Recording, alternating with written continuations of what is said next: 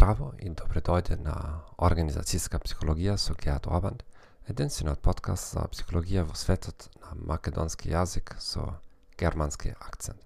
Во оваа епизода ќе зборуваме за ергономијата.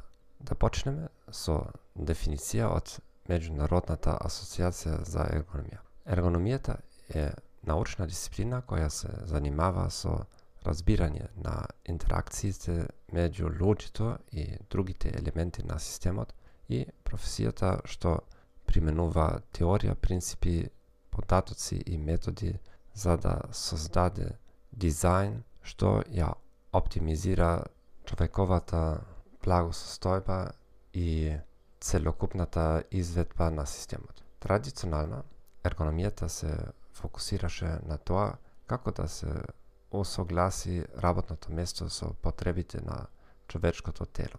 Типични проблеми беа дизајнот на столови и маси и опатствата како најдобро да седите пред компјутер. Денес, клучните задачи се состојат во зголемување на употребливоста на различните дизајни, на дисплеи, на веб страници, од контролните табли на индустријски машини или авиони или на апарати за домакинство. Индикатор за лош дизајн е постојањето на пишани упатства.